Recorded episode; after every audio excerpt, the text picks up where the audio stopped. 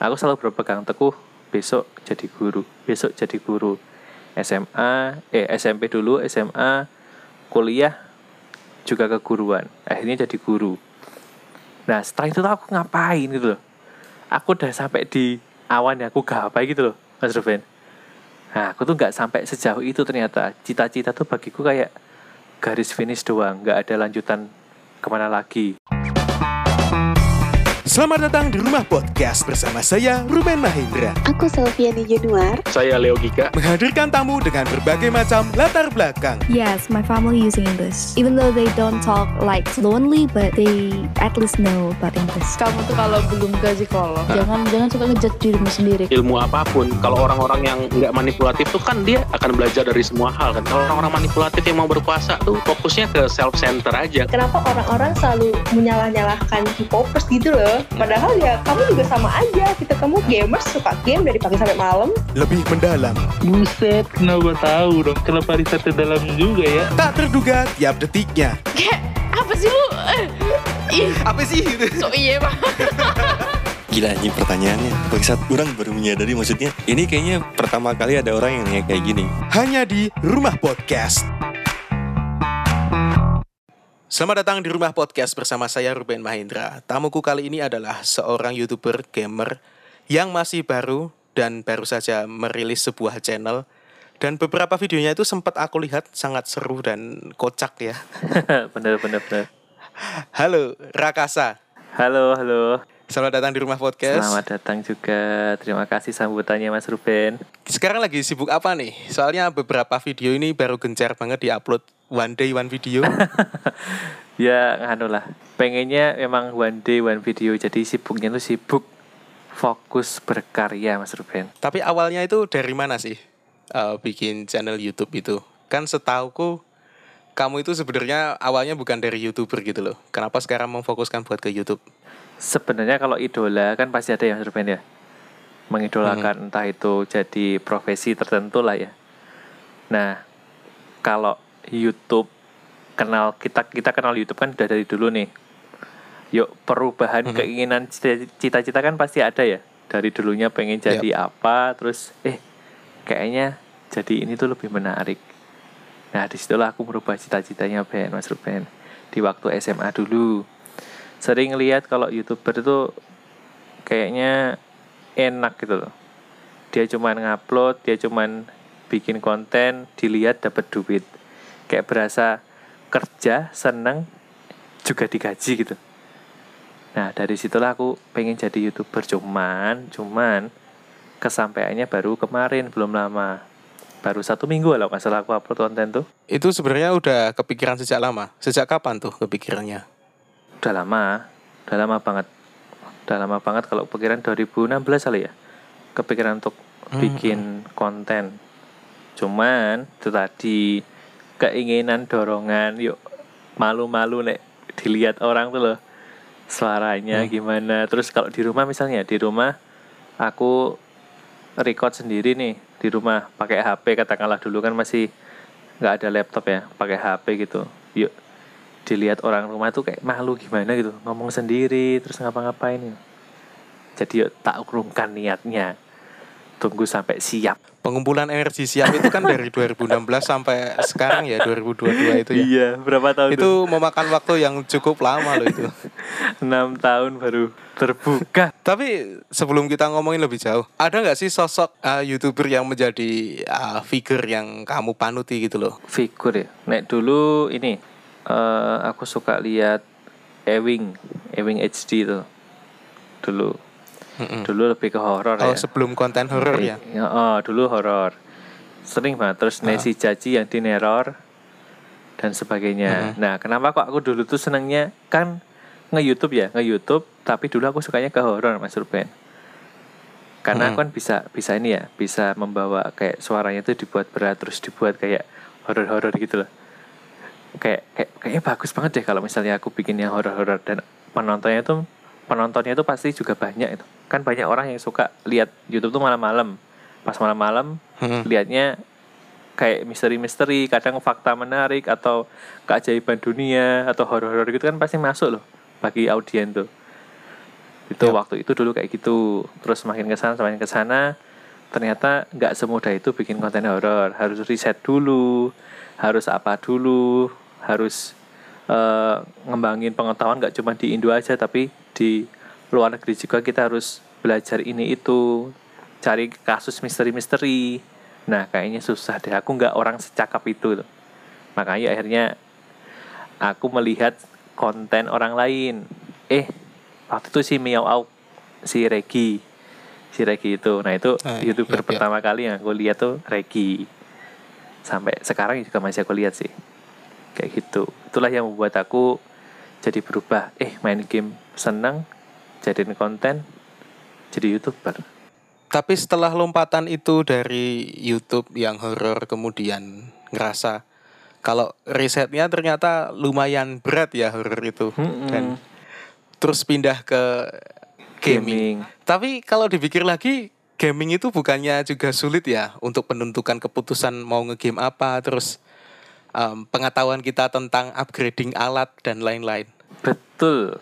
Nah, nah, nah, nah, nah, betul banget Mas Ruben. Kenapa kok aku jadinya kok malah gaming, malah nggak ke horor ya, gampangnya gitu ya, ya kan? Selain dari ketertarikan oleh konten kreator yang aku lihat, itu karena semakin saya dewasa, semakin bertambahnya usia tuh, kok passionnya ke sini ya?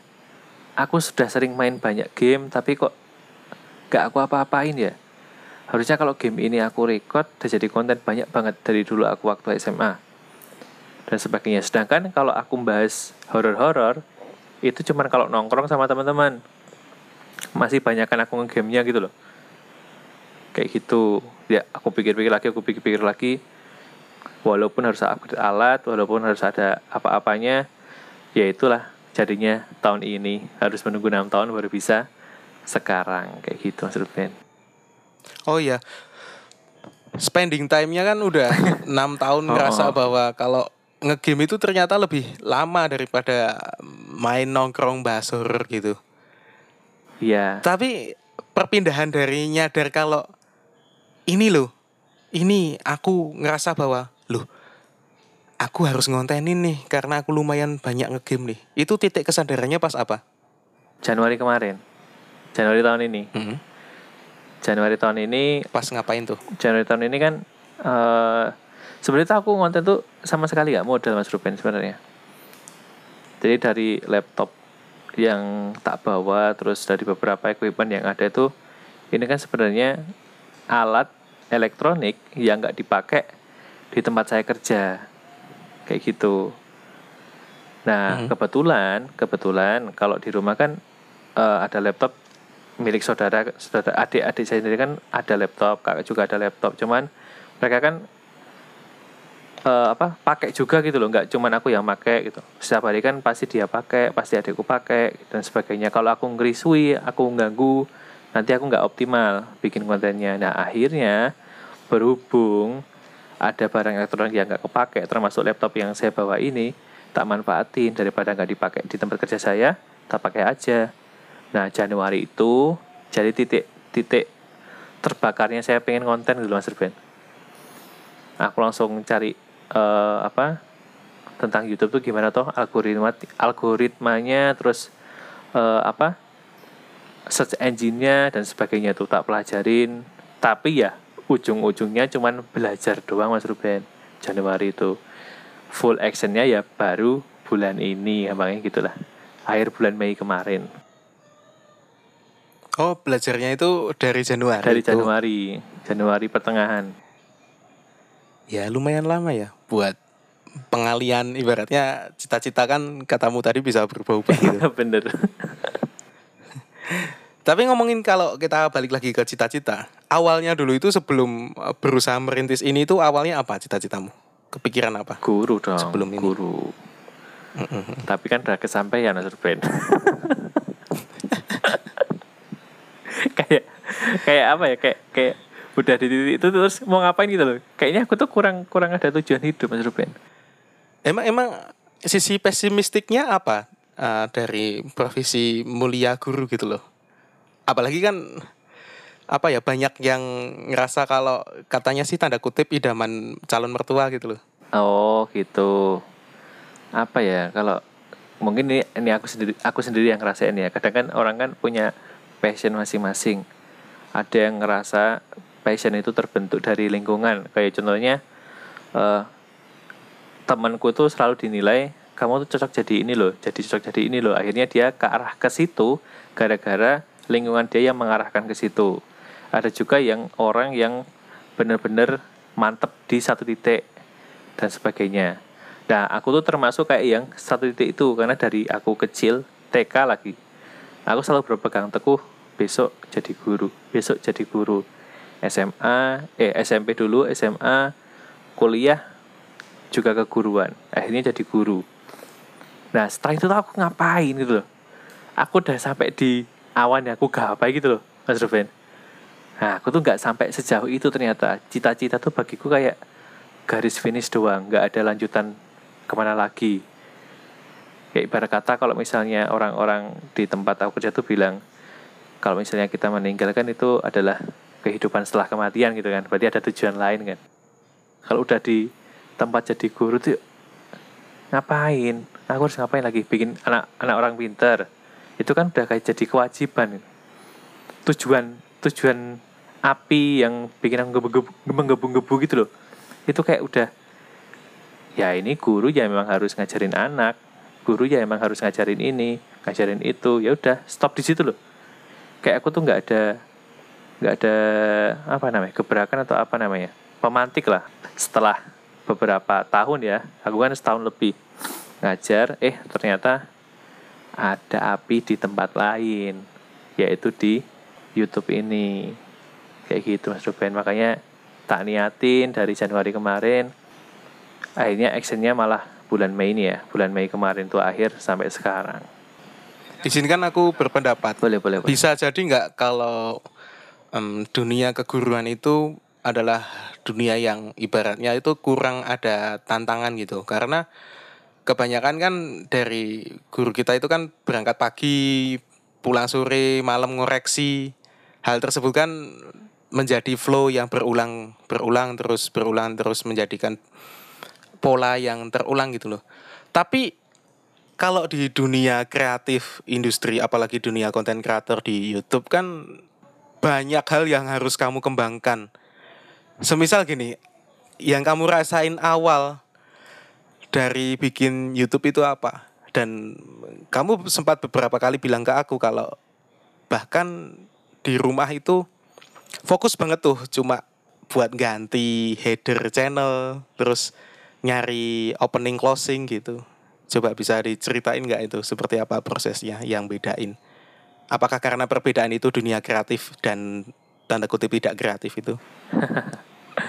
nggak tahu sih ini kayaknya nih ya kalau yang aku alamin itu memang sih guru memang eh, kerjanya cuman pagi berangkat terus nanti ngajar pulang terus ngoreksi dan sebagainya kayak gitu tapi itu hanya berlaku yang sebelum pandemi Mas Ruben. Kalau ketika pandemi banyak liburnya. Sehingga kalau dibilang bosen kayaknya bosen deh aku dengan pola yang berangkat gak ada murid cuman pegang HP terus ngasih tugas terus malamnya ngeliat ngecek-ngecek siapa yang belum ngirim. Selesai kayak gitu terus. Kayak gitu diulang-ulang terus ngasih tugas ngasih tugas nggak ngajar. Nah di situlah mungkin aku titik titik ini ya titik nggak ada tantangannya. Titik di mana aku kayak apa sih ini? Ini tuh kayak kurang gitu loh. Apa nih? Apa? Aku harus ngapain? Biar aku tuh semangat tuh apa? Kok aku di rumah bisa fokus bikin halaman uh, sampul YouTube terus cari opening sama ending tuh gimana ngeliatin youtuber lain risetnya tuh gimana thumbnail thumbnailnya tak edit dan sebagainya kayak gitulah. Kok kok bisa aku sekreatif itu katakanlah gitulah. Nah itu karena aku baru dapat apinya di situ mas Ruben sebenarnya. Kalau di guru pun kreatif tuh bisa kan? Keguruan kan banyak ini banyak lomba-lomba banyak uh, tuntutan-tuntutan sebagai seorang guru untuk mencapai titik tertentu.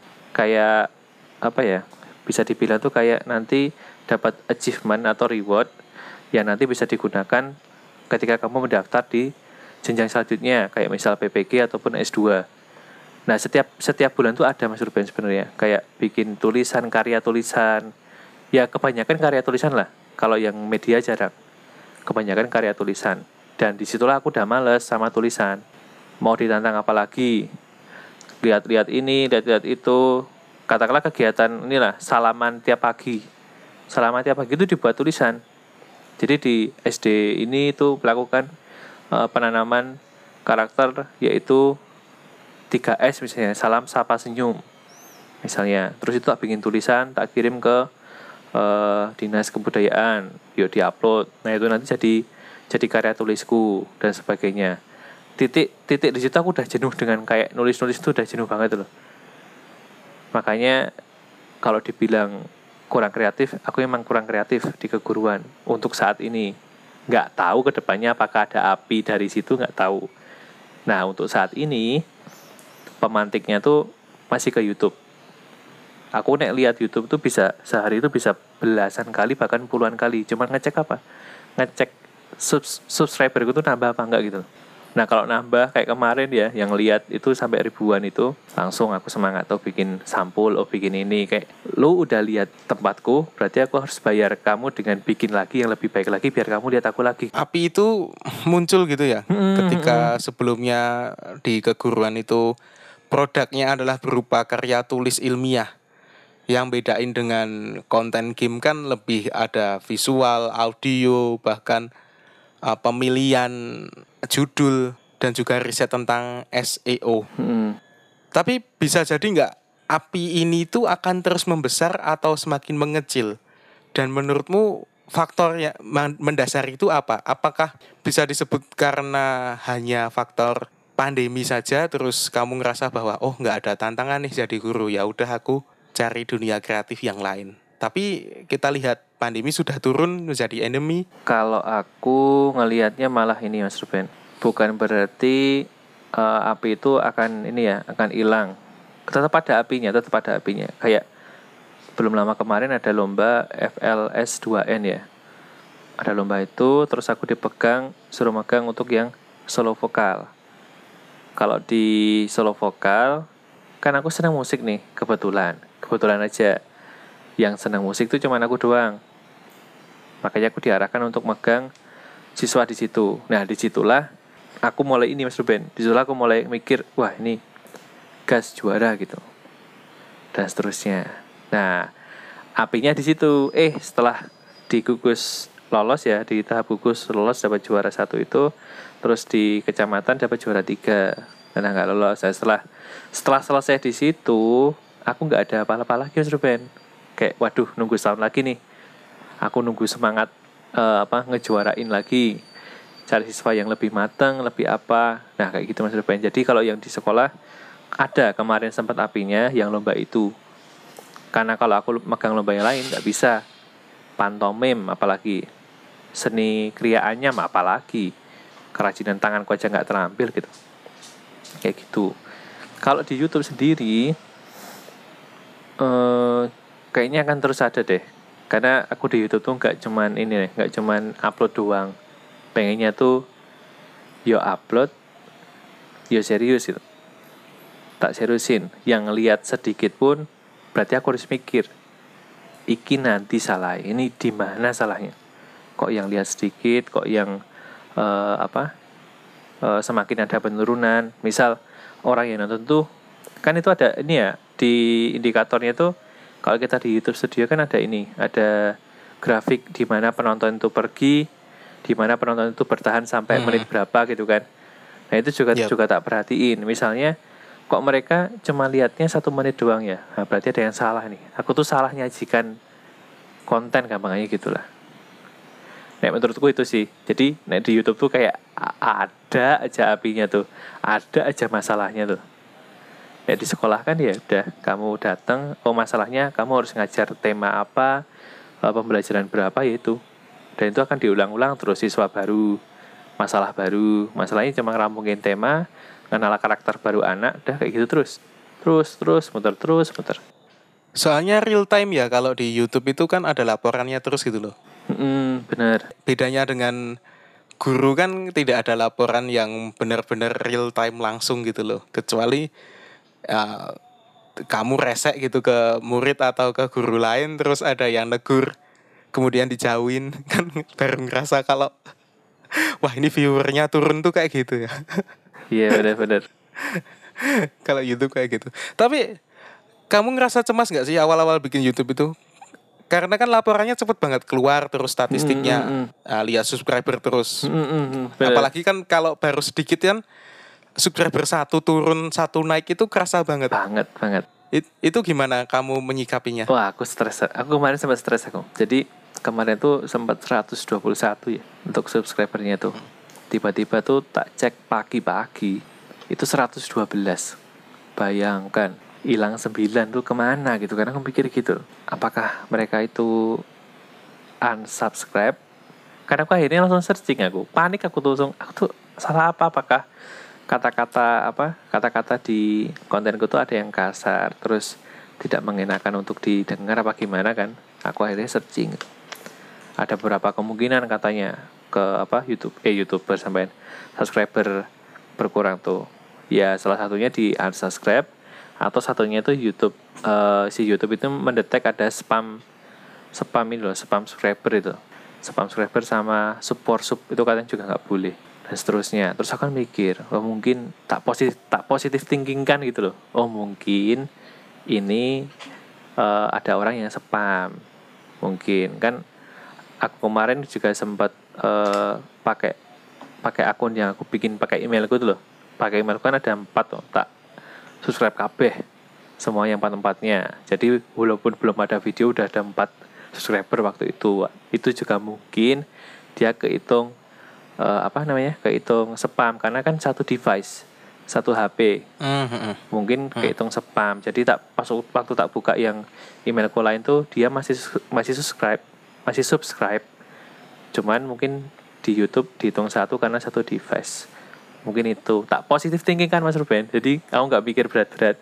Awalnya stres. Stresnya tuh berapa ini ya? Berapa jam ya?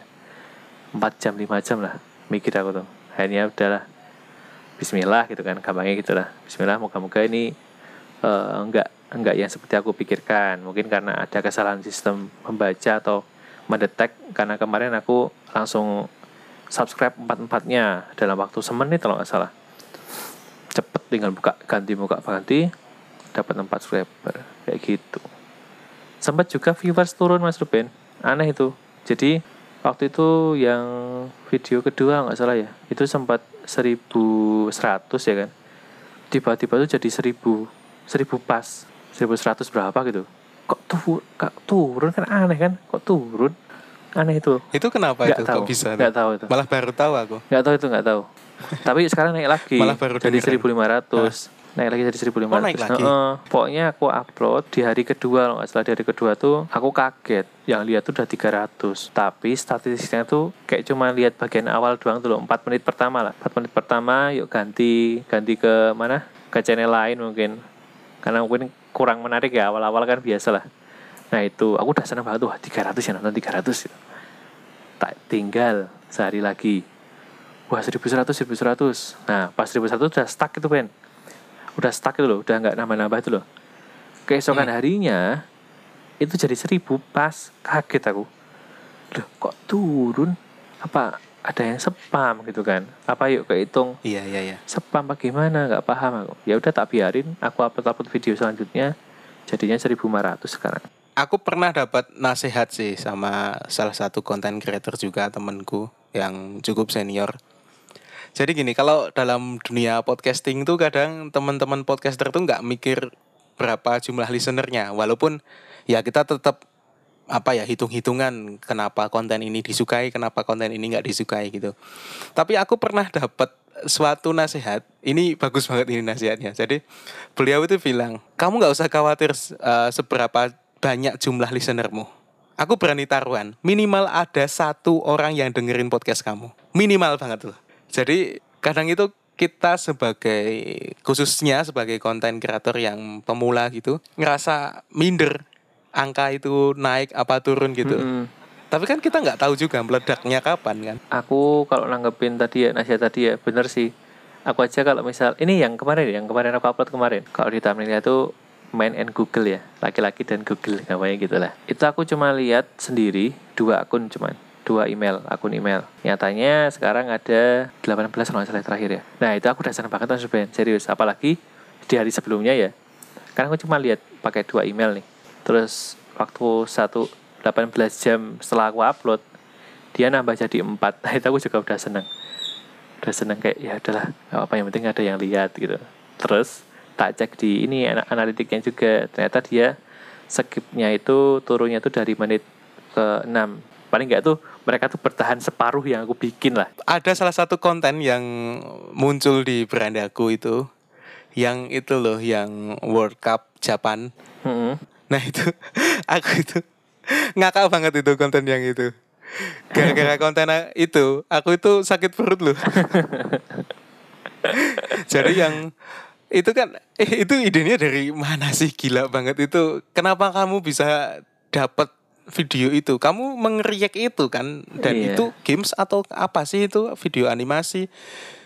Itu sampai gini loh serius ketawaku itu nggak se- nggak seperti ketawa biasanya ketawanya itu sampai bengek gitu loh Nyik, nyik, nyik gitu.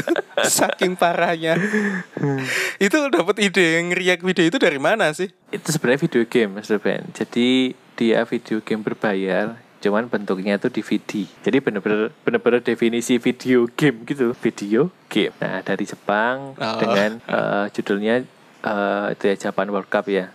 Yang intinya adalah pacu pacuan kuda gitu. Nah kita tuh disuruh menebak. Jadi si developernya tuh menginginkan kita tuh menebak siapa yang menang gitu.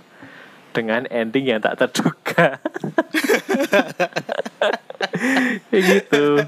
Nah aku dapat eh, dapat rekomendasinya dari siapa ya? Kan aku scroll scroll terus. Aku dari YouTube itu terus aku filter ke game. Aku cobain scroll terus. Kira-kira video lama tapi masih up to apa? Gitu. banyak. Ternyata ada yang eh, video apa itu? Resident Evil. Itu masih banyak yang main Mm-mm. Resident Evil yang PS2 itu Resident Evil PS2 wah bahkan itu berseri-seri ya itu. Hmm, ada Basara terus Dinasti Warrior dan sebagainya.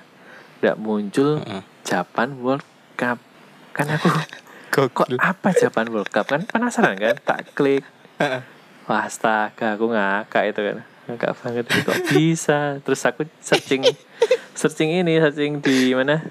Eh, di websitenya. Aku cari kan nggak ada nggak nemu itu. Terus ada yang ngejelasin ternyata Japan World Cup itu dia bentuknya benar-benar video. Jadi kita cuma suruh lihat ada eh, beberapa kali perlombaan lah. Entah lima atau enam- eh delapan sesuai dengan nih sesuai dengan jumlah eh, kudanya yang balapan. Kan ada delapan tuh Nah, itu? nggak semuanya kuda dong. Oh iya ada yang bukan kuda dong. Ada yang banteng ada yang jerapah. Ada yang zebra ada yang kuda tapi isinya manusia. Oh, bener bener bener itu yang jatuh terus tuh nomor 8 ya itu ya. oh itu jatuh terus. tiap start jatuh. Jatuh terus start jatuh ngapain ikutan? Jatuh terus. Kenapa pakai manusia ya? kenapa pakai manusia ya? Aku tuh nggak pernah loh kepikiran ada manusia dua yang pakai kostum gitu terus ada yang naik satu orang. Gila ini. Jadi gitu akhirnya eh aku searching ternyata memang benar itu video benar-benar bentuknya video visualnya video game kita cuman suruh ngelihat dan menebak eh, siapa yang menang jadi permainannya itu di situ kita tuh guess menebak aja gitu siapa yang menang oh gamesnya di situ ya Hmm. walaupun nggak nggak ngeklik juga ya sama itu sekali ya? nggak klik sama Maksudku ketika milih milih misalnya milih nomor 8 ya walaupun mustahil ya 8 menang ya. 8 menang gitu. Ya enggak enggak diklik juga. Kamu jagoin mana? Pertama kali lihat. pertama kali lihat Bahkan sebelum bikin konten kan iya itu. sebelum bikin konten Ah, pertama lihat yang mana nih? Ini ini calonnya ini nah, nomor ini nih gitu. aku mikirnya yang ini yang yang kudanya ada kayak stang Harley-nya tuh loh motor itu tuh aku jago itu tuh yang ada stang Harley-nya keren soalnya Jadi buat teman-teman yang penasaran bisa banget dicek di channel YouTube-nya Rakasa ya. Oke, buat ke depannya mau bikin apa nih? pengennya bikin konten yang eh, lebih ke audio dengan visual tuh kayak servisnya aja. Kita ngasih servis tuh ngelihat audio aja. Eh ngelihat visualnya tapi kentalnya tuh di audio. Nanti poin-poin yang dibicarakan dan sebagainya. Ya sama kayak orang ngepodcast sih. Cuma disajikan dalam bentuk game. Kayak gitu. Ya sama kayak yang aku upload eh lusa ya lusa kemarin. Yang stumble guy itu. Dengan judul kan aku ngasih judul eh, pengalian isu dan podcast ASMR dan sebagainya tadi. Sebenarnya kan tuh nggak sesuai dengan stumble guy ya cuman aku masuk itu dia ketika aku sama teman-teman bahas itu. Dengan cara audio yang diunggulkan dan visual sebagai tambahan. ya ah, ya audio yang diunggulkan dan visual yang ditambahkan. Semoga sukses buat Rakasa ke depannya. amin amin. Buat teman-teman yang mau lihat channelnya apa nih halamannya? alamatnya nanti di di di set aja. Tulisannya Jill J I L channel C H gitu ya. Oke, terima kasih Rakasa. oke sama-sama Mas Ruben. Sebelum podcast ini berakhir, ada yang disampaikan? kalau aku bilang jangan lupa like subscribe dan komen. Kayaknya udah biasa ya. Yang penting ini aja. Tonton. Coba dulu. Nanti baru rasain. Oke, menarik. Kayak orang jual makanan ya, ngasih tes tester dulu. iya mau coba dulu Ya, kalau tester-tester kayak gitu biasanya yang jual mangga itu yang manis cuma testernya doang pas dipulang kecut. Saya Ruben Mahendra, saya Rakasa sampai jumpa di episode selanjutnya. Selamat datang di Rumah Podcast bersama saya Ruben Mahendra Aku Selviani Januar. Saya Leo Gika. menghadirkan tamu dengan berbagai macam latar belakang. Yes, my family using English. Even though they don't talk like fluently, but they at least know about English. Kamu tuh kalau belum ke psikolog, jangan jangan suka ngejudge dirimu sendiri. Ilmu apa pun, kalau orang-orang yang nggak manipulatif tuh kan dia akan belajar dari semua hal kan. Kalau orang-orang manipulatif yang mau berkuasa tuh fokusnya ke self center aja. Kenapa orang-orang selalu menyalah-nyalahkan K-popers gitu loh? Padahal ya kamu juga sama aja. Kita kamu gamers suka game dari pagi sampai malam. Lebih mendalam, Buset, kenapa tahu dong? Kenapa risetnya dalam juga ya? tak terduga tiap detiknya. Apa sih lu? Eh, Ih, Apa sih? so iya mah. Gila anjing pertanyaannya. Bangsat orang baru menyadari maksudnya. Ini kayaknya pertama kali ada orang yang nanya kayak gini. Hanya di Rumah Podcast.